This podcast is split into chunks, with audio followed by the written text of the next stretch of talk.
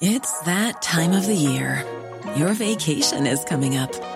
You can already hear the beach waves, feel the warm breeze, relax, and think about work.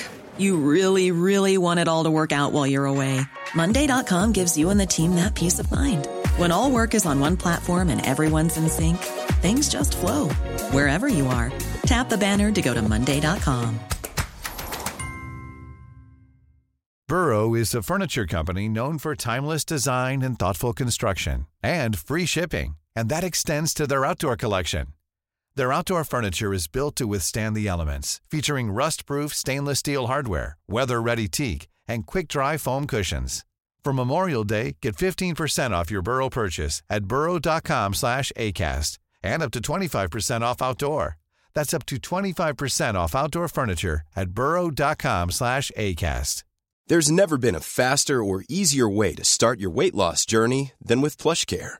PlushCare accepts most insurance plans and gives you online access to board-certified physicians who can prescribe FDA-approved weight loss medications like Wigovi and Zepbound for those who qualify. Take charge of your health and speak with a board-certified physician about a weight loss plan that's right for you. Get started today at plushcare.com slash weight loss. That's plushcare.com slash weight loss. plushcare.com slash weightloss. Dette er en podkast fra Liverpool supporterklubb Norge.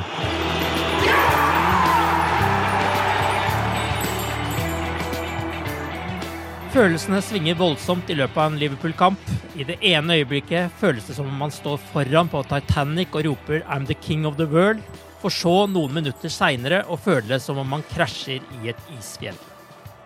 Da står Klopp der som en dirigent og veiver med armene og ber fansen fortsette å synge og spillerne om å levere som om ingenting har skjedd.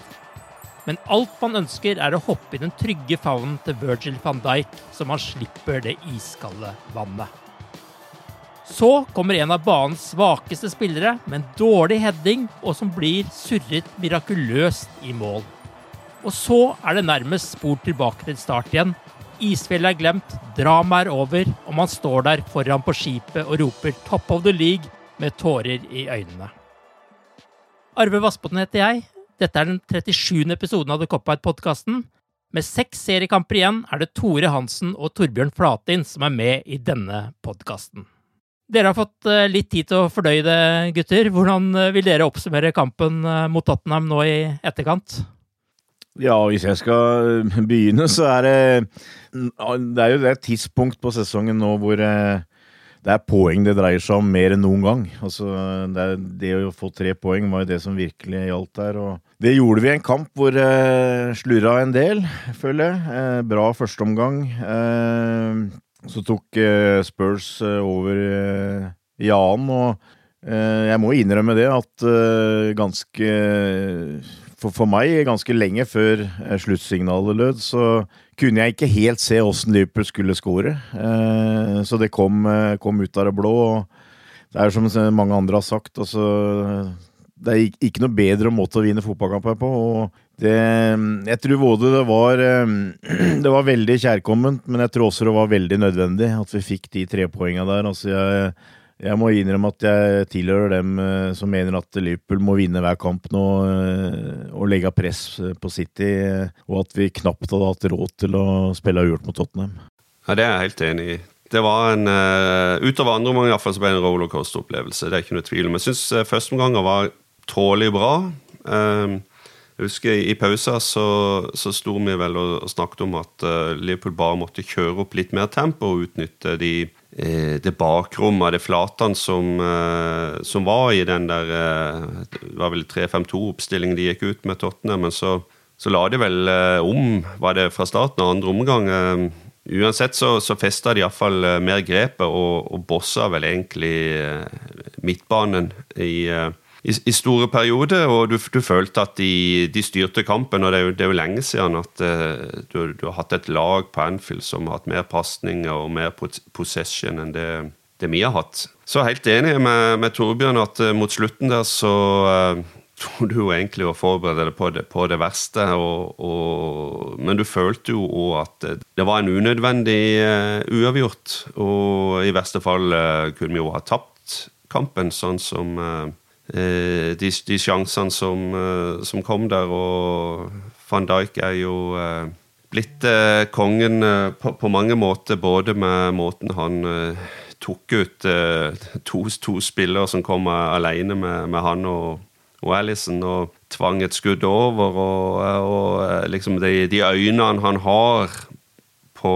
hva som nesten er viktigst når, når to, to en mål ruller på merkelig måte innover streken, så er han nede og plukker ballen og sparker den himmelhøyt over. og vinner noen sekunder, og, og så det, Ikke bare himmelhøyt over, men himmelhøyt over uh, selve Anfield, var det ikke det? Ja, ikke sant. Ikke sant. Det, men så, så, er det jo, så er det jo noen ting som jeg syns altså Det er jo blitt snakkes og blitt, uh, blitt, slått opp litt her og der, men så er det noen ting som jeg syns uh, Eh, sånn småting da, som jeg har lagt merke til, og som blir, lite snakka om. For eksempel altså, når, når Harry Kane tar det frispark, så er det veldig bra frispark. Han er veldig altså, det er et kjapt fotballhode som setter i gang spill igjen, men ballen ruller jo, ikke sant? Han, øh, øh, han, han, ligger ikke død. Øh, og det er nesten ikke et så match up til deg. Jeg tror ikke de nevnte det engang. Um, Origi, som kom inn, gjør kanskje ikke det helt store, men det er jo han som skaffer to, to corner der på slutten. Og det ene ender med det, det, målet som kom. Så eh, det var, eh, det var, det var en merkelig opplevelse, men det er, det er jo sånne resultat iallfall som en trenger på, på tampen av sesongen. Men Det er jo litt sånn merkelig kamp i forhold til Dere er jo innom det med at man styrer i førsteomgangen der, og så gir man på en måte fra seg initiativet på et eller annet vis. Hva er det som skjer underveis, Torbjørn, som gjør at det kampen endrer såpass karakter. Altså, det er jo mye slurv og sånn i starten, også, men man har iallfall en viss følelse av at Liverpool styrer dette. da. Mm. Vinner ja. dueller og sånt. Eh, ja. Eh, altså, vi har jo den eh, evige diskusjonen om midtbanen igjen, eh, hvor, eh, hvor, Klopp eh, tar med den treeren som inkluderer Henderson og, og Milner. jeg har ikke noe god forklaring på hvorfor han ikke setter opp Fabinho. Eh, jeg har en teori om det, om at uh, i, i, sånne kamper som dette mot Tottenham, tette kamper altså Tottenham syns jeg var bra. Sjøl i første omgang så følte du at de var farlige, syns jeg. Jeg syns egentlig Liverpool gikk ut eh, relativt forsiktig. Eh, satsa på kontringer, satsa av og til på å vinne ballen høyt oppe osv. Men også Jeg tror aldri jeg har sett, eller aldri, jeg overdriver, men jeg, jeg, det var i hvert fall tre-fire cornervarianter som Liverpool hadde forberedt den kampen. her, Så tydelig at dødballer var noe Klopp uh, virkelig tenkte på. Han var, og han var ikke villig å åpne seg for mye, det var helt klart, syns jeg. Uh, men samtidig, når Liverpool scora etter et kvarter, så følte jeg litt at, uh, som Tore var inne på, altså da kontrollerte vi kampen. Og det skal Henderson og Milne på en måte ha en del av, fordi at uh, det er noe som heter game management, og jeg syns de var med på det. Altså, de uh, kan du si fikk ned farten når det var behov for. Uh, Passa på at Tottenham ikke fikk kjøre offensivt så mye som de ønska. Men det snudde når Tottenham gikk over til fire bak. For da fikk det mer eh, styrke på midtbanen, og det, det, gikk for fort, følte jeg, for Henderson og Milner da. Eh, med de offensive midtbanespillerne som Tottenham hadde. Eh, den fikk flytta seg høyere. Altså Harry Kane hadde ikke noe stor match, men det han viste at han kan, er å, å kan du si, spille seg til frispark. Altså Han er ekspert i å lene seg inn i motstanderen og skaffe frispark, og det fikk Tottenham etter hvert eh, flere og flere av, og som bidro til at vi ble trøkt bakover, følte jeg. Eh, og Sånn sett så mista vi initiativet, og, og, da får du på en måte litt i trynet den at du har da en eh, treer på midtbanen som ikke er av de mest kreative. Eh, og, du, og, du, og, du, mangler litt punch i tillegg, altså. Og, og jeg, det, det, er selvfølgelig lett å sitte her nå i etterpåklokskapens navn, eh, men altså Fabinho skulle vært inne For meg skulle han vært inne fra start, men han skulle i hvert fall vært inne tidligere i annen omgang. Så, så vi mista eh, hele det initiativet, og når vi da skulle slå tilbake, så uh, følte jeg at uh, da sleit vi. Og da, som også Tore var inne på, så følte jeg at Tottenham var minst like nærme 2-1 som, uh, som, vi var egentlig siste kvarteret. Så får vi heldigvis den der breaken på slutten hvor han går inn, altså. Men det er, det er, litt rart, den der midtbanen. Men altså, hadde du avslutta kampen til 45 så kunne du si at Klopp hadde gjort en kjempejobb, egentlig. Mm. For da, da, føler jeg at det funka rimelig bra sånn som han hadde tenkt det skulle funke. Eh, så sa han vel sjøl etterpå at eh, han visste ikke helt hvorfor de ikke greide å gjenta det de eh, gjorde i annen omgang som første, men som sagt, jeg, jeg, følte at Tottenham greide å ta over mer på, på midten der, og da hadde vi ikke de gode svara. Nå kommer jo Fabinho inn sånn 13 minutter før slutt. Hva syns du han bidrar med da, Tore, når han kommer inn? Jeg syns uh, først og fremst han, han, uh, han, har den egenskapen uh, Han er god til å lese spill. Han klarer å gå imellom og bryte opp det Tottenham forsøker, eller har vært gode på i andre omgang, da, på, på midtbanen. Og ballvinner på den måten og, og, og sette i gang da raske angrep. og det var Det syns jeg var en bra analyse som som Torbjørn leverte her med, med forskjellen på første og andre omgang på den midtbanen. For eh, hadde Fabinho f.eks. kommet inn etter en time, eh, så, så, hadde kanskje kampen sett eh, helt eh, annerledes ut, og vi hadde kanskje ikke hatt den diskusjonen her i det hele tatt. For eh, de tre som, eh, som, som starta, midtbanen, er jo på en måte litt sånn jeg tror, jeg tror de, de, nyter stor respekt og tillit hos Jørgen. Um, det er på en måte kaptein og løytnant, eh, to kapteiner og en løytnant på en måte som, eh, som man har veldig veldig sterk tro på, av forskjellige årsaker. Og de har jo også spilt bra kamper sammen. Eh, PSG hjemme i, i høst var, var, et, var, en kjempekamp, både for Liverpool og, og de tre herrene. Men det er noe med det. altså, de, altså en, en, kamp er, er to omganger. Det er 90 minutter. Det er forskjellige faser. Og det er vel de forskjellige fasene da, som, som Torbjørn er litt inne på, som kanskje ikke passer alltid like bra, da. Det er nesten sånn at de av og til eh, Det blir litt for mye av det samme. De nesten nøytraliserer hverandre i, med, med, de, på en måte, de egenskapene de har. og du, du når de tre spiller, så er det ingen av de som vinner, i gåseøyne. Altså, du føler kanskje at de overlapper litt hverandre i hvem de skal gjøre hva. Jeg vet ikke. Det, det er heldigvis ikke vi som uh, skal, skal, ta ut uh, neste midtbane. Det, det har vi en utmerket mann til å gjøre. Men det er mening om dette, og en så, mange så behov for, for, å gjøre noe med dette langt før de, de 13 siste minuttene. Det, det, er jo, det, er jo, helt sikkert. Men det er jo, det er jo også sånn, da, sånn som altså Enkeltvis da, så, så, har de veldig store styrker. Vinaldo er en av, vårt, en av våre beste mann i hele den sesongen. og Milner blir du alltid, aldri trøtt av å se på. Han, han imponerer i i, i, kamp etter kamp, hvis du studerer han som spiller og tenker på alt det han har vært igjennom, og hva han betyr for garderoben og alt det der. Og det gjør Henderson nå. Han hadde en kjempekamp for Tsjekkia, vel, i, uh, i midtuke, eller rett før, der med den 5-0-kampen. Uh, enkelte mener er en av de beste landskampene spilt for England. Så det er ikke helt svart-hvitt heller, som en ofte føler på når en leser sosiale medier. men det er noe der som uh, må adresseres. Det, det, er vel, uh, tror jeg alle er enige om. Men Fabinho er jo kjøpt inn som en defensiv midtbanespiller, men er de offensive kvalitetene hans litt sånn undervurdert uh, også? Ja, det syns jeg det kan hevdes. Altså, han er veldig kan si for fram, framoverretta, holdt jeg på å si. Han, han liker å spille ballen framover hurtig. Og, og, kan slå en, en veldig god pasning. Så uh, absolutt, det, det syns jeg. Og så er det noe med det at det er liksom litt mer punch i spillet hans. Altså, du, når du møter en motstander som har Dela Alli, som har Eriksen, som har Ja, nå står du helt stille, han brasilianeren som scora. Luca Mora. ja, Luca, Luca ja.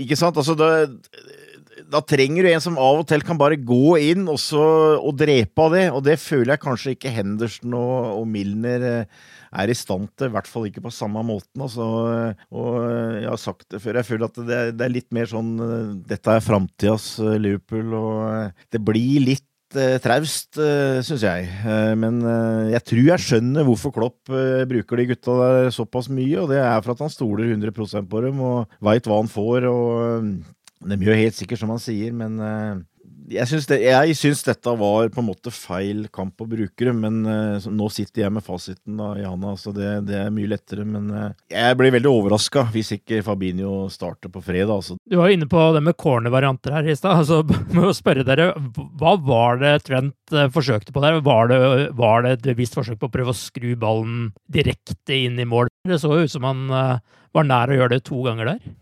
Jeg tror i hvert fall at Liverpool prøvde å stresse Tottenham. Eh, det var ikke bare at han prøvde å skru ballen rett i mål, men var, vi hadde bra med folk foran keeper, eh, la jeg merke til. Eh, så jeg tror rett og slett det var å De følte at Loris var et mulig svakt punkt. Nå viste det seg at han ble det til slutt, men ikke akkurat etter en corner. Men ja, jeg tror det. Men etter hvert så varierte de litt òg. Jeg har ikke det i huet, men jeg tror Tottenham har en ganske dårlig statistikk på defensive dødballer. Så, så det, for meg virka det som i hvert fall helt klart uh, våpen som Klopp uh, hadde, altså. Uh, nå kom kanskje ikke teknisk sett skåringen mot Tottenham på overtid, men noen sekunder før 90 minutter. Men Liverpool har, hvis vi tar med den da, likevel avgjort seks kamper med mål på nær overtid denne sesongen, eller langt på overtid. er det et godt tegn, eller bør man klare å låse ned slike kamper som dette her tidligere? Ja, både òg, tenker jeg. Eh, hvis, eh, hvis, det er den oversikten du, du tenker på som eh, vi hadde på Leopold her for et par dager siden, så, så topper vel Chelsea hadde dobbelt så mange tolv som det beste i, i, i Premier League-sammenheng på overtid. Og, I 2009-2010-sesongen. Ja, mm. ja, Og vi, vi, er på halvparten, så det er jo Vi er ikke topp, vi er, vi kan, og, men selvfølgelig, sesongen er ikke over. Men det, det, er en Nei, det, er jo, det, er jo, akkurat seks kamper igjen, så vi kan jo vi kan ta utligne det. uh, men det er klart, det er jo det er jo det du trenger, for å si det enkelt. Altså guts, vinnerinstinkt, never say die. Eh, det er jo, det er jo det, Og det er jo litt sånn jeg tenker overskriften er for dette laget. Hvis du skal skrive, den, skrive noen nøkkelord om, om laget denne sesongen, så er det jo så er det jo de tingene som du, du først tenker på, egentlig. Eh, og, du føler jo ikke at, uh, at vi overhodet har vært i nærheten av å gjøre sånne ting før. Iallfall ikke hvis du tenker de 29 siste årene, da, med de årene vi ikke har vunnet ligaen. Men, og, og, det er jo da du tenker at når vi klarer dette nå, eh, betyr det at vi, vi, vi har et vinnerlag. At vi har et, uh, et lag som kan toppe dette fordi vi, vi gjør sånne ting. Vi er sterke i hodet, vi har kreft igjen. Vi gir ikke opp. Det eneste, det eneste ulempa er jo hjertepumpa vår, da. Eh, så, eh, så det er jo det er, det er, en ting du må ha for å vinne en så sterk liga som Premier League har blitt. Det, det er jo helt sikkert. Og jeg tar gjerne flere. Jeg tror jeg, altså det, det, er klart Motstanderne våre kommer, vi sier jo at vi har flaks. ikke sant? Eh, det, det sier ikke vi. Ja, Men hvor, hvor mange ganger har vi tenkt det om f.eks. Man United? ikke sant? Ja, nettopp, nettopp det er egentlig det jeg kommer til. Altså, Hvis du ser tidligere, ikke minst Manchester United, men jeg viser også Liverpool eh, i storhetstida, så var det en del kamper hvor eh, det butta imot. Men trua på at vi kunne få noe ut av det, var allikevel der. Det blei sendt baller inn i straffefeltet. Eh, det er alltid en sjanse for at noe skjer, altså, og du, du, har ikke gitt opp eh, trua på at du skal få tre poeng eh, før dommeren blåser av. Og det har, er ikke sikkert eh, under de siste tiåra at det alltid på en måte har vært helt den følelsen i laget som jeg føler at det er nå.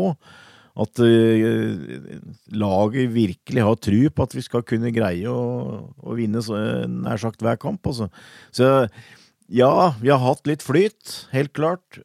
Men jeg tror ikke det er bare flaks, altså. Det er eh, du, du, du, Det er jo noe som heter at du, du vinner aldri på lotteri hvis du ikke kjøper lodd, altså. Og eh, jeg, føler at det, Klopp har greid eh, gradvis å få inn en mentalitet i laget eh, som sier at vi aldri skal gi opp.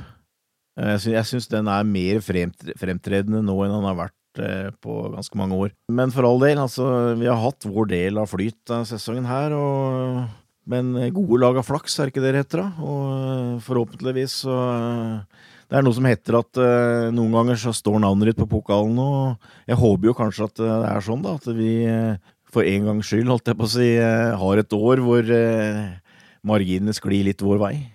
Men det er vel ikke tilfeldig heller sånn når du ser på hvilke bytte Klopp gjør og sånne ting. Det er, det er han går for tre poeng her. Ja, det gjør han, og det er vel sjelden han har hatt både Origi og de tre framme på banen. Mm. Det tror jeg ikke det er ofte. Altså, han, har, han, bytter jo ofte Han bytter som regel inn de, de mulighet, altså innbytterne han har til rådighet.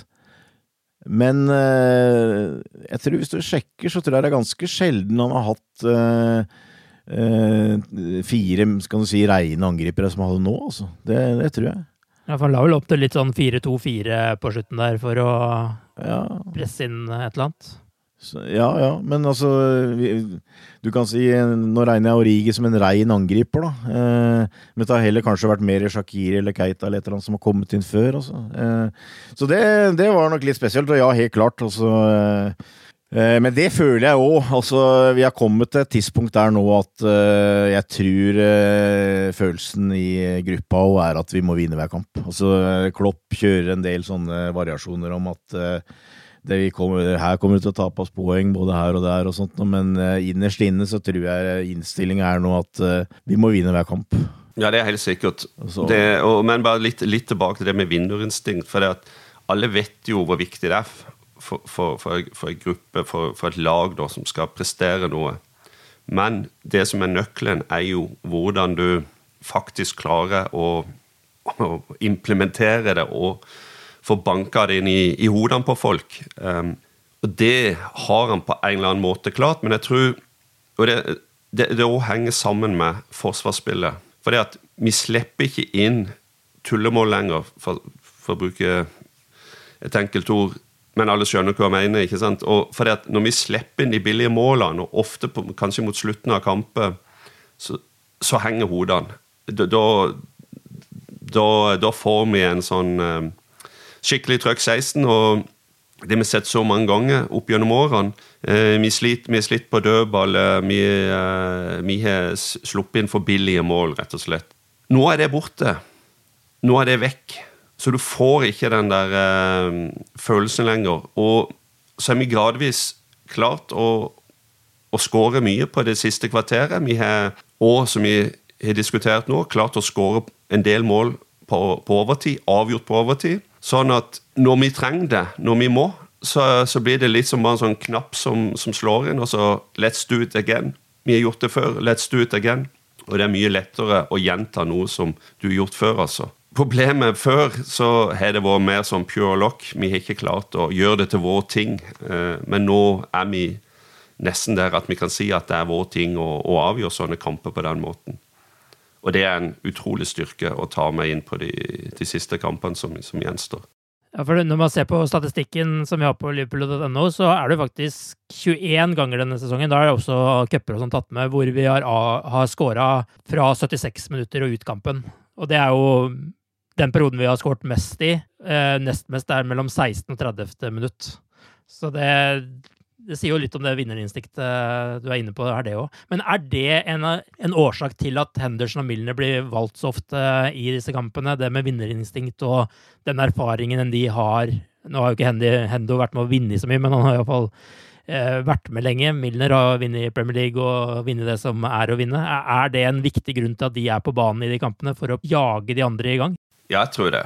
Er du ikke enig, Torbjørn? Jeg tror at uh, jo, jeg, den der uh, hvert fall medvirkende faktor. Ja, helt klart. Altså, de, de, har, uh, de er kapteiner, begge to. Vi har jo hatt et team med kaptein i år, med van Dijk inkludert der. og så tror jeg òg gjerne litt den der Litt spekulasjon for min del, men det, at, at, de er britiske, at de er engelske, at de eh, har vært i Premier League over lang tid, de vet hva som trengs. De, eh, Hendo vet, har vært i klubben lenge, har en utrolig respekt innad i klubben, unge spillere, og de ser opp til han. Eh, du trenger sånne i garderoben, rett og slett, og det, det tror jeg ofte blir undervurdert. Du, du, trenger definitivt sånn i garderoben, og det er helt klart at dem kommer til å bli involvert eh, nå siste måneden også, men eh, jeg, jeg vil allikevel ha Fabinho på laget. Eh, så, men jeg, jeg, tror at eh, du finner plass til én arm ganske ofte, tror jeg. Ja. I hvert fall. Og, og som, som, Tore sier, altså, de, de, er der. De er i garderoben, de er på benken. Så helt klart viktig det. Men det er du, du, må se på forskjellige kamper òg. Og som jeg har sagt, så føler jeg kanskje at Klopp spesielt i sånne Altså, du har enkelte kamper som, som, som for eksempel Tottenham, hvor det er så utrolig viktig å være 100% konsentrert. Fordi at de har uh, spillere som kan uh, skade deg. Og da har han ofte brukt dem. Uh, det, sånn føler jeg det, i hvert fall. Eh, mens du f.eks. mot eh, Southampton, som i utgangspunktet er en ekkel bortekamp mot et lag som kjemper for å overleve, så er det tross alt ikke den kvaliteten det er kanskje ikke det behovet for å være så 100 eh, på en måte i alle situasjoner. Eh, ikke misforstå, altså du kan ikke gå ut på der og ikke være attent, men eh, det, det blir en annen, annen match.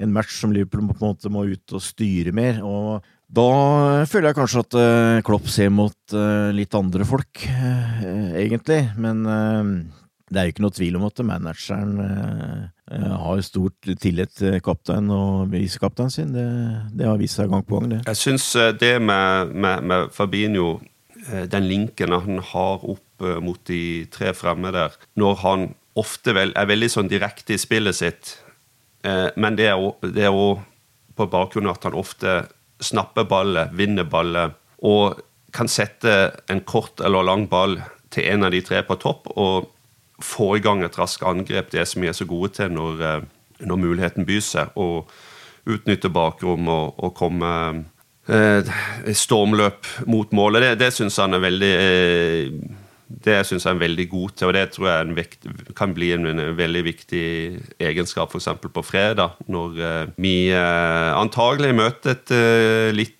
hissig hjemmelag som vet hva det handler om. De spiller mot for en Premier League-kontrakt, og de må vinne, vi må vinne. Og det kan være at vi får muligheten til å, å kjøre både to og tre raske overganger, og da ser jeg ikke bort fra at det skjer på bakgrunn av at Fabinho, hvis han spiller, bryter, et, bryter en, en, et, angrep og setter i gang et raskt angrep igjen for vår del.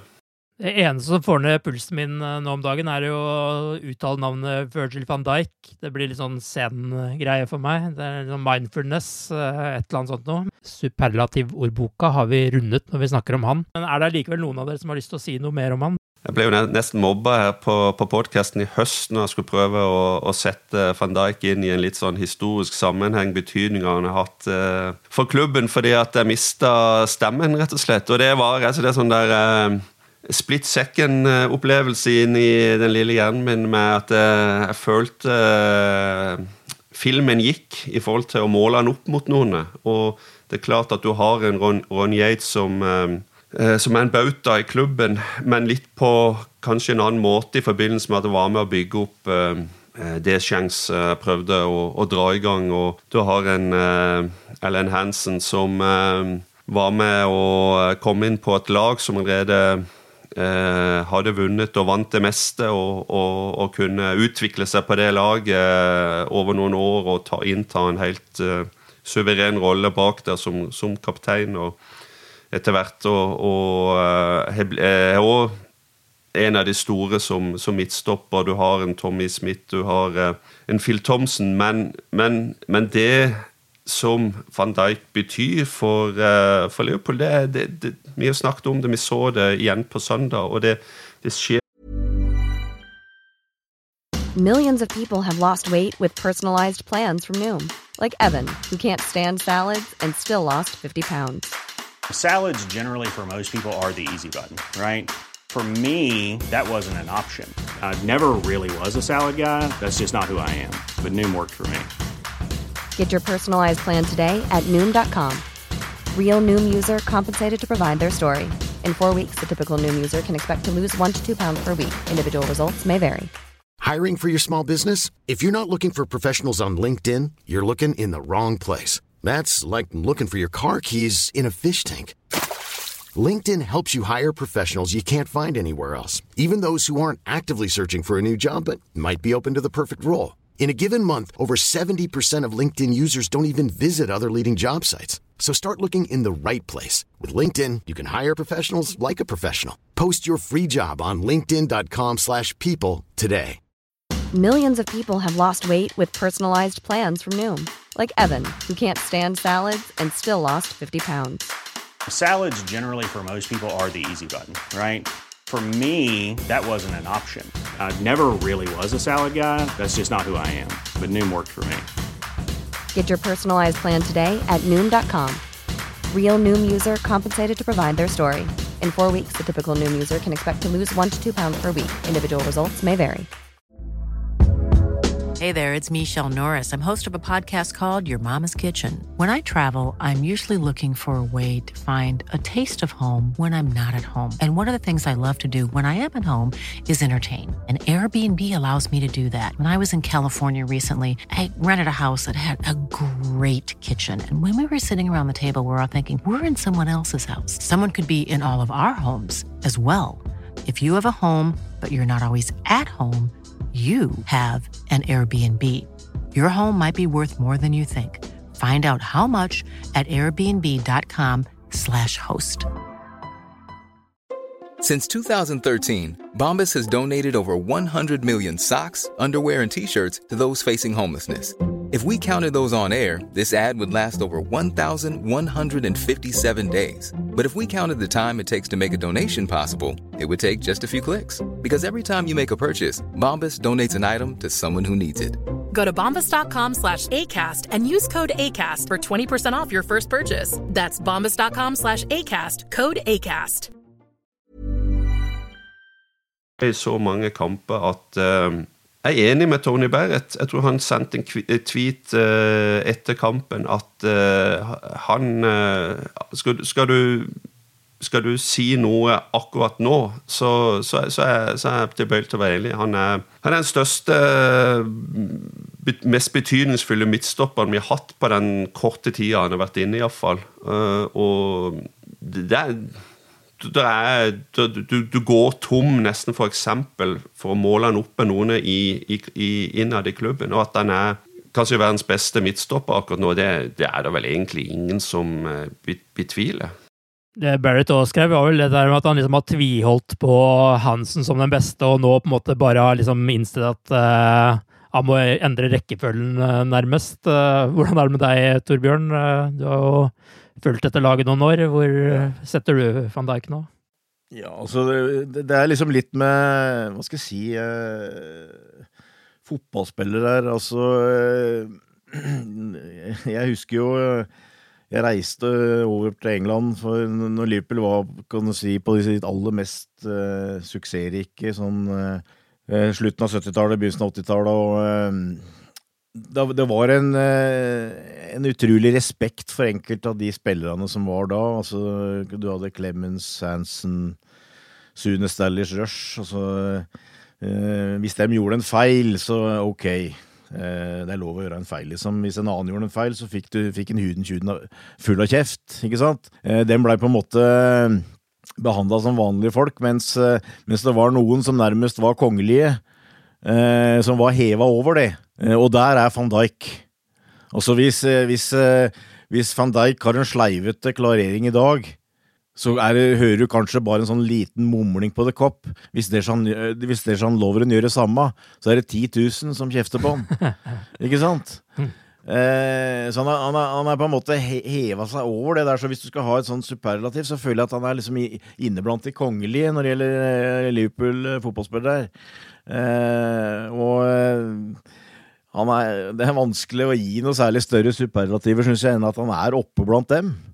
Uh, og ja, eh, han er nok en, eh, definitivt en mer Han er nok enda, på en måte enda mer komplett midtstopper enn Erlend Hansen. Altså, Erlend Hansen var en fantastisk fotballspiller, og med da uh, vekt på fotball. Eh, men som duellspiller, kan du si, én mot én, så vil jeg jo si at van Dijk er hakket over. Eh, og så har han egentlig alt det andre òg, så eh, det er eh, en gigant. Det, er ikke noe tvil om det. Så han er helt oppe i øverste hylle. Det er ikke, det er ikke ringeste tvil i min sjel, i hvert fall. Og det er vel ingen som kunne blame han hvis det hadde blitt en scoring når de kontra to mot én der, men måten han utfører det på, er vel et forsvarssamarbeid man sjelden ser maken til.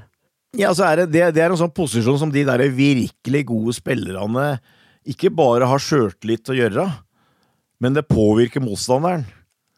Ikke sant? Altså, hvis det kommer en, og så Oh shit, det er van Dijk, liksom. Ikke sant? Altså, hvor stor sjanse har jeg til, til, å greie dette her, liksom? Uh, det Ikke alle er sånn, på en måte, men uh, mange lar seg på en måte påvirke av det. Og han, han er en sånn dominerende figur. Og som Tore var inne på i stad, altså det, det, har vært veldig viktig denne sesongen her.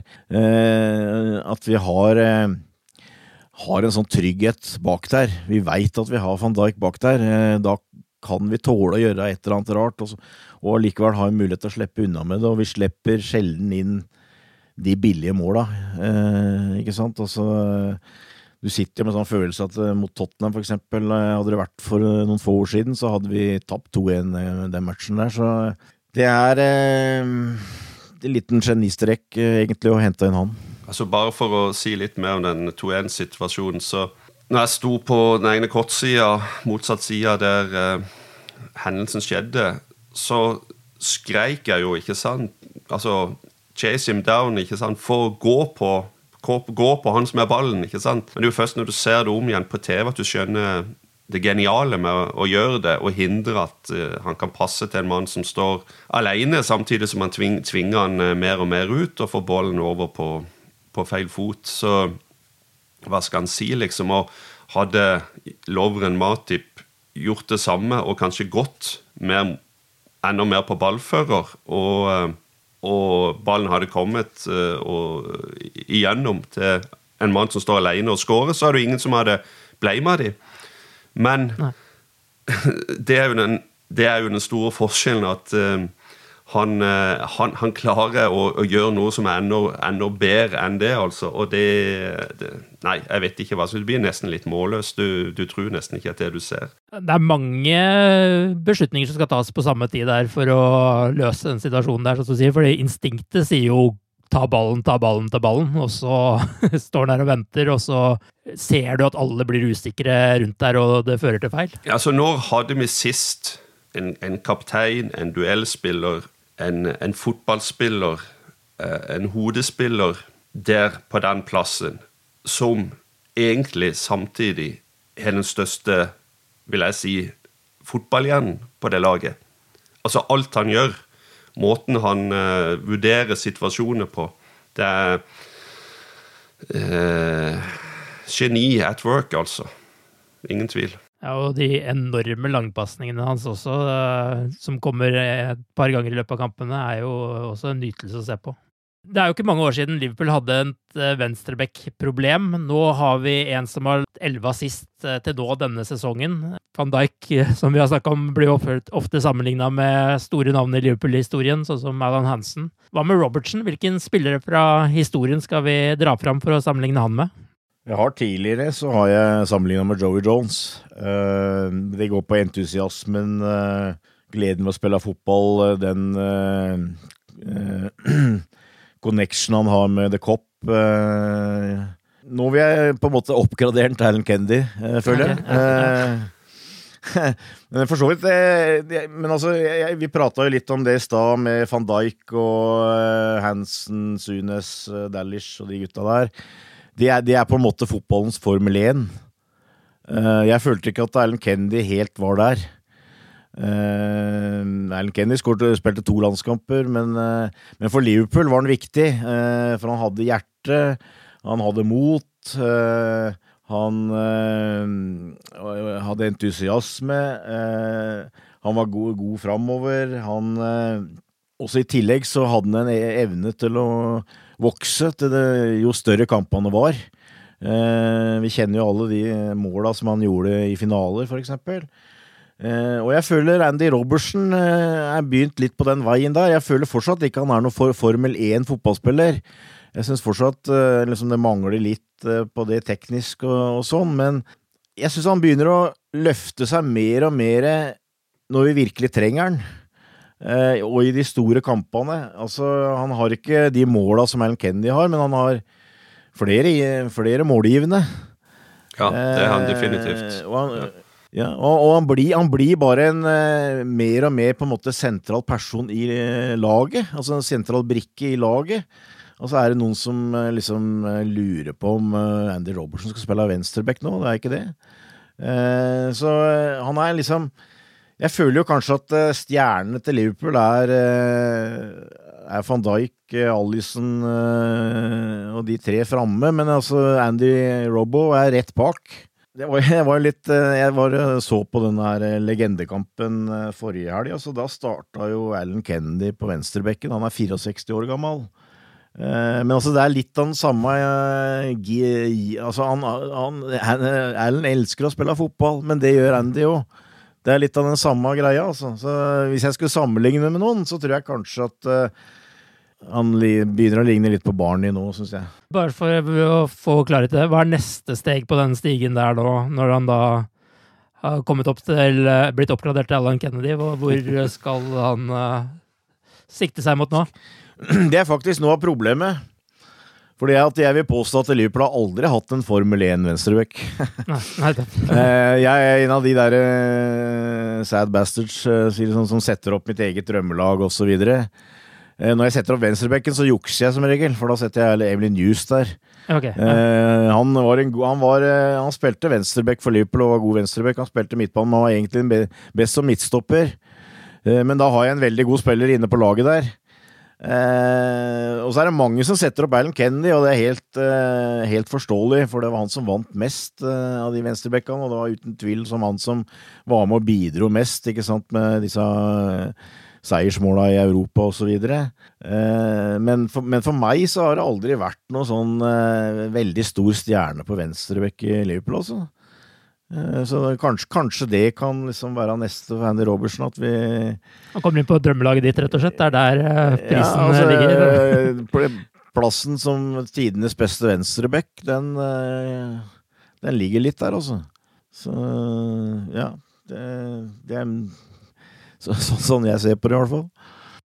Hva tenker du, Tore? Er han den beste Liverpool-bekken siden Jon Arne Riise, hvis man skal tenke litt uh, nærmere i tid? Ja, det er en... Så må du selvsagt komme med din sammenligning, du òg. Det er en definitivt. Uh, men det som stands out, holdt på å si, hvis du ser borte fra elva sist, eller Ja, det er vel det han har hatt denne sesongen, og så er det jo den uh, statusen. Han har opparbeida seg blant fansen på The Cop. og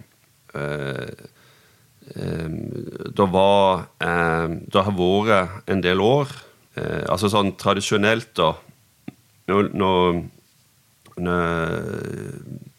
Hva skal jeg si Den Eh, tilhørigheten eh, fansen, supporterne har hatt med laget, og ikke minst sangene spillerne har hatt. da, så eh, før, før avspark så, så, har jo egentlig mer eller mindre opp gjennom årene alle spillerne har hatt egne sanger. og De har blitt sunget rett før avspark, og spillerne har hilst på tilbake til The koppet. og alt sånt, Men det har jo vært vekke i fem-ti år.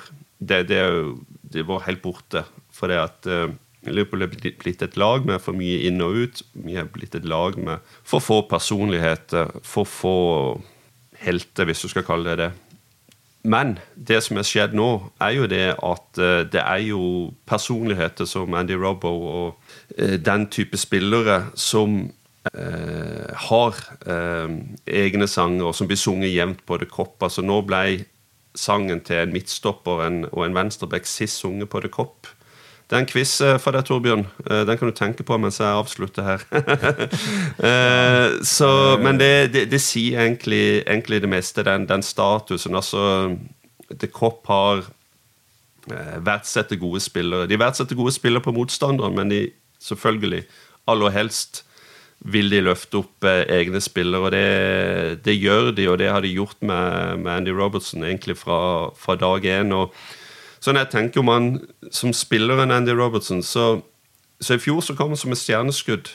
Og eh, eh, etter en litt sånn eh, Ikke famlende start, men en start der han kanskje var mest opptatt av å ikke gjøre feil, så har vi jo fått det som uh, har blitt uh, et ekstra angrepsvåpen. Altså Når han krummer nakken og setter fart framover, som han gjør veldig veldig ofte, så er det fordi at han er flink til å finne rom, til å flink til å gjøre seg tilgjengelig, sånn at han får en kort eller lang pasning. Uh, setter fart framover, og da er ofte motstanderen i litt ubalanse. Hvis han har rom da, så betyr det jo at midtbanen er skeiv. Han blir ikke passa opp. Og hvem skal da passe på Hva, hva, hva skal høyrebekken gjøre? Skal han ut og, og, og, ta Andy Robertson, eller skal han passe på eh, en eh, Mané eller en Firmino som beveger seg ut i det rommet? ikke sant? Så han er, han er en veldig viktig brikke i angrepsspillet vårt, altså. I tillegg til at han uh, gjør det han gjør defensivt. Ja, bare en sånn liten, liten, connection igjen her. Eh, altså, jeg, jeg, hadde en samtale med Alan Kennedy for ikke så veldig lenge siden, og vi prata litt om at han kanskje ikke var noe sånn uh, typisk Liverpool-spiller, egentlig, og Alan sa det sjøl, at uh, han hadde hørt i ettertid at uh, bekkene til Liverpool var noe uh, motstanderen da prøvde å utnytte, at de mente at det var et svakt punkt. Altså, Erlend var uberegnelig og sånt noe, men eh, det, det var vel en litt usikkerhet hvor god han var defensivt. Men det var ingen som helt greide å utnytte det. Og der føler jeg Andy Robertsen er også kommet litt nå. Altså, jeg tror vel kanskje det at det er ganske Det er flere av de topplagene som eh, i utgangspunktet føler at bekkene til Liverpool kan, kan være en mulighet å, å, skape litt trøbbel med. Eh, men eh, det skjer sjeldnere og sjeldnere. Og eh, der tror jeg også, eh, ikke minst Andy Robertsen, har løfta seg veldig, altså. Fortalte du Alan Kennedy da at uh, han var i ferd med å miste plassen på drømmelaget ditt, forresten? Eller uh, sparte du det ja, Jeg har aldri turt å si det, at han ikke er på drømmelaget mitt. Nei, det, jeg skjønner. jeg, håper, jeg, håper, han ikke hører på det her. Nei, ikke sant. Men det er jo bare et år siden at Andy Robertson skulle overraske en sju år gammel fan som hadde gjort noe godt for Matsentralen i Liverpool. og skrev et brev til han hvor han skrev at han hadde skaffa han en drakt eh, fra Robert Firminio, og avslutta med 'La oss være ærlige, Alfie. Ingen ønsker drakta til en venstreback'. Så derfor gir jeg deg Bobbys trøye isteden. Håper det er greit. Han kan vel begynne å sende sin egen drakt uh, nå framover, eller? Ja, jeg tror han uh, for lengst har fått den statusen der, og han er vel et helt nesten unike forhold med tanke på måten han kom til klubben på, hva, Liverpool betalt for han, og den jobben som ble gjort i å identifisere han egentlig, og på en måte tørre å hente han. Eh, sånn som eh, Klopp og teamet hans gjorde, så eh, han er, er virkelig en eh, Du sier ofte kultfigur på The Cop, i, og da tenker du at det er en eh, spiller med litt sånn eh, en litt sånn, eh, kanskje litt sånn raring som gjør eh, merkelige ting, men vi elsker han, men han er mye mer enn det, egentlig. Så det blir feil å kalle han kultfigur, men han har fått uh, på bare et års tid en unik standing blant supporterne. Nå blir jo denne podkasten spilt inn før Manchester City møter Cardiff onsdag kveld, men allerede fredag skal Liverpool til Southampton, og sannsynligvis skal vi igjen da ta igjen Citys ledelse, hvis ikke det skjer noe magisk i kveld. Hva blir utfordringene våre i den kampen, slik dere ser det? Ja, altså, det er en kamp som eh, det er forventa at Liverpool skal gå ut og styre. Tottenham er eh, Du forventer at Liverpool skal styre hjemme mot Tottenham òg, kanskje, men eh, det blir en annen kamp med en motstander av, av litt annen kvalitet, men som, som, har fordelen av hjemmebane, og som har mye å spille for.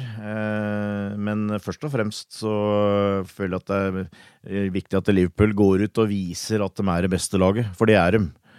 Men de er nødt til å nødt til å bevise det ute på banen. Så det, det, blir å ha eh, Kan du si eh, full eh, ja, rett og slett ta kommandoen og, og, og bare kjøre den matchen og, og, sørge for at vi tar de tre poengene. Ja, helt klart. Og så har ingen forhåpning om noe eh, noe hjelp i, i kveld. City ble vunnet 16 av de 17 hjemmekampene, de siste 17 hjemmekampene i, i Premier League. Og, og, og Cardiff eh, er ikke i en form eh, som eh, jeg tror eh, vil, vil, hjelpe nok oss i, i, innspurten her. og det tror jeg manageren, faktisk manageren er helt enig med meg i. Men det blir eh, ekstremt eh, spennende eh, på fredag, og jeg tror det blir eh, en ny jevn kamp. Um, men jeg tror det blir en ny jevn kamp vi vinner. Jeg tror vi har den formen inne, at vi har den gutsen, vi har den, eh, de hodene som, som trengs for, for, å avgjøre det til, til vår fordel. Og eh, James Pearce sa på et på en uh, greie vi hadde i, Liverpool i helga, at uh, vinner vi mot Tottenham og vinner vi mot uh, Southampton, så tror jeg vi vinner ligaen. Og litt isolert sett så, så Med tanke på at nå har vi vunnet mot Tottenham, og vi har liksom den, kun den kampen å se fram til som en vrien kamp på en bane hvor vi kanskje ikke alltid har trivdes så veldig godt. Så ja, vinner vi der, så skal jeg ikke si at det, det, ligger i våre hender, men jeg har en god følelse i forhold til om vi fortsetter å vinne resten av kampene. Så har en god følelse i forhold til bunnlinja i, eh, som skal settes 12. mai. Er dere overbevist om at Salah skal starte den kampen som kommer nå også? Ja. Ja, helt klart. Jeg er overbevist om det. Eh, det er selvfølgelig, eh, for hver gang som man ikke scorer nå, så blir det jo eh, nærmest overskrift over det. Men det, er selvfølgelig et, et sånn dilemma som manageren av og til har, da, fordi at jeg tror alle i gåseøynene veit at Mo Salah er god nok til å starte. Men akkurat nå er han inne i såkalt måltørke. Men jeg syns jo fortsatt han bidrar såpass mye, sjøl om han ikke var på det beste på Tottenham uansett, og uh, hva er alternativene, liksom? Uh, nei, jeg er helt overbevist om at han uh, også er med fra start på fredag. Ja, klart. Jeg er helt enig med, med Torbjørn. Jeg tror jeg er en av de første på, på blokka til Jørgen Klopp. Men er det noen endringer dere ser for dere til den kampen? her? Det går jo fort mot en hjemmekamp mot Porto også i neste uke. Må man ta noe hensyn til det, og hva skal han i så fall prioritere?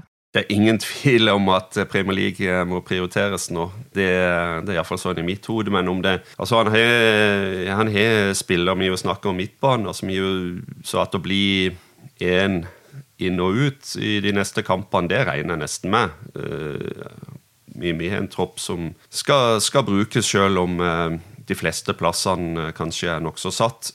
Så, men at fredag er den kampen som, eh, som blir løfta opp nå, det, det, er vel ikke noe tvil om. Den må vinnes. Ja, det er vel ikke noe bombe om jeg sier at jeg mener Fabinho bør starte eh, på fredag. Eh, nei, så Nei, altså, helt klart. Altså, han er nødt til å stille med det beste laget på fredag. og jeg tror vel egentlig ikke han kommer til å tenke noe annet mot Porto heller. altså Det er vel ikke så avskrekkende programmet nå. Klopp har vel sagt flere ganger at uh, det de har gjort tidligere, er uh, også å forberede seg på avslutninga her. Han, eh, det Grunnen til at han har rotert uh, tidlig i sesongen uh, osv., er jo fordi at vi skal være rusta til å kunne stå i en innspurt, og med andre ord i utgangspunktet bruke nærmest toppa lag hele tida. Så, så det, det, det, tror jeg kommer til å skje, og nå er det nå spilte vi søndag, skal vi spille fredag, skal vi spille Er det ikke er det onsdag igjen? Ja, tirsdag, kanskje. Og så søndag, så det, det, må vi tåle. At det kanskje en annen justering, men jeg, jeg, tror jo at, som sagt, Fabinho er ganske sikker på kommer inn mot Southampton. Kanskje LaLana, for eksempel, istedenfor Milner. Og så ser jeg vel ikke bort fra at en av de to litt eldre gutta da kanskje spiller mot Porto. Det, det, føler jeg vel absolutt er en mulighet, men at det blir noe særlig mer forandringer, det, det tviler jeg jo på. Stort sett så føler du vel at forsvaret og angrepet sier seg sjøl nå, sjøl om eh, selvfølgelig eh, til lenger eh, Joe Gomez, Joe Gomez er skadefri, så, så blir vel spørsmålstegnet større for at kanskje han kan komme inn, men det får vi nå se på. Nå, Sist sesong så feide jo Liverpool over Porto i første kampen, selv om det var borte. Forventer dere noe av det samme denne gangen når de to lagene skal møtes? Ja, om jeg, om jeg forventer det, er jeg litt usikker på, men jeg tror, tror liksom tanken er at uh, her har vi muligheten til å avgjøre på Anfield. 2-3-0 uh, må være mulig å, å håpe på, føler jeg. Og jeg kjenner ikke veldig til Porto, eh, men eh, det var vel eh, ingen som ikke ønska å trekke dem i kvartfinalen. Så har vi også en situasjon at det skulle det uh, være litt mer vrient enn vi, vi, trodde, så er Liverpool også i stand til å reise til Portugal og, og få, få, et godt resultat. Så jeg, jeg tror optimismen er ganske stor for, foran det dobbeltmøtet. Avslutningsvis, kan vi få noen tips om eh, resultat både mot Southampton og Porto her, da? Jeg tror vi vinner, som sagt, mot Southampton. Eh, og jeg kan gjerne ta en uh, 2-0-seier til, til, Liverpool. Og hjemme mot Porto det, ikke, det, det, blir ikke noe hvilekamp for all del. Det, men jeg håper jo selvfølgelig vi skaffer oss et veldig bra utgangspunkt og, og kan uh, mer hvile returkampen. Men uh, kanskje vi tar en 1-0-seier. Jeg tror det er veldig viktig å ikke slippe inn mål mot Porto, for jeg tror vi er mer enn uh, kapable til å, til å skåre der nede. Sånn at jeg tar egentlig any win med, med, med null mål, men mot oss. Så, men jeg tror kanskje det blir en litt sånn, uh, litt sånn tight uh, målmessig kamp allikevel, av en eller annen grunn. Så 2-0 borte mot Southampton og 1-0 hjemme mot Porto. Torbjørn? Ja, jeg tror jeg, jeg, tror jeg vil være hakket mer eh, Enda mer optimistisk. Men jeg, jeg, jeg føler Southampton er en sånn kamp at eh, enten så kommer det til å gå ganske greit. Eh, da får vi kanskje en, en relativt tidlig scoring og, og ha kontroll. Altså, Southampton er en vrien motstander, men uh, de er ikke veldig gode framme. Så jeg føler at hvis vi kommer foran her, så så har vi mulighet til å drepe den, men det, det er klart det er jo eh, kanskje ønsketenkning, sånn som eh, det har vært her nå, da, med, med mye nerver og sånn. Men uh, enten så blir det veldig tett, eller så tror jeg Liverpool får ganske grei kontroll på det. Men jeg, jeg, tror jeg tar den optimistiske varianten og sier 3-0. Uh, så er jeg litt enig med Tore, at jeg tror, jeg tror Klopp ser på det som veldig viktig å holde nullen mot Porto. men jeg tror jeg sier allikevel 2-0.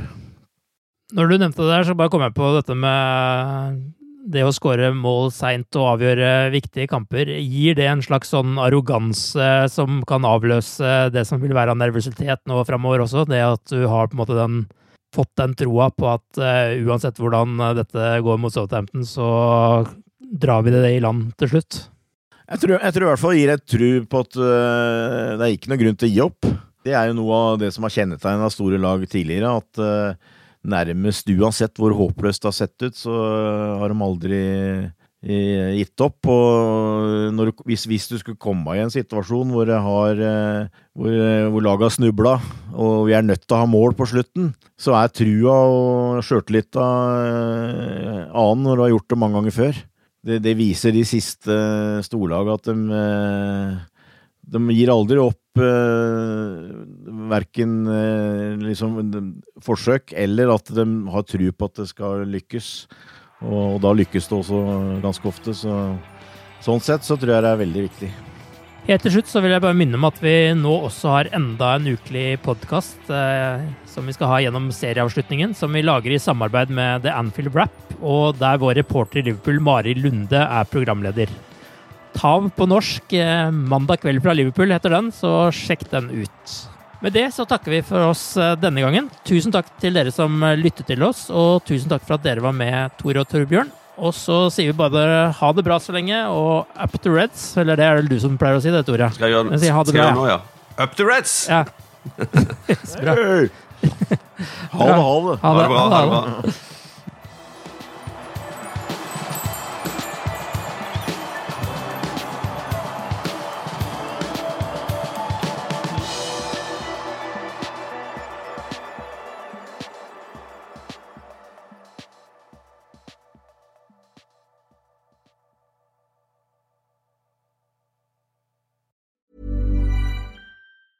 Normally, being a little extra can be a bit much, but when it comes to healthcare, it pays to be extra. And United Healthcare makes it easy with Health Protector Guard fixed indemnity insurance plans. Underwritten by Golden Rule Insurance Company, they supplement your primary plan, helping you manage out of pocket costs without the usual requirements and restrictions like deductibles and enrollment periods. So when it comes to covering your medical bills, you can feel good about being a little extra. Visit uh1.com to find the Health Protector Guard plan for you. Hi, I'm Daniel, founder of Pretty Litter. Cats and cat owners deserve better than any old fashioned litter. That's why I teamed up with scientists and veterinarians to create Pretty Litter. Its innovative crystal formula has superior odor control and weighs up to 80% less than clay litter. Pretty Litter even monitors health by changing colors to help detect early signs of potential illness. It's the world's smartest kitty litter. Go to prettylitter.com and use code ACAST for 20% off your first order and a free cat toy. Terms and conditions apply. See site for details. Planning for your next trip? Elevate your travel style with Quince. Quince has all the jet setting essentials you'll want for your next getaway, like European linen, premium luggage options, buttery soft Italian leather bags, and so much more. And is all priced at 50 to 80% less than similar brands. Plus, Quince only works with factories that use safe and ethical manufacturing practices. Pack your bags with high-quality essentials you'll be wearing for vacations to come with Quince. Go to quince.com slash pack for free shipping and 365-day returns.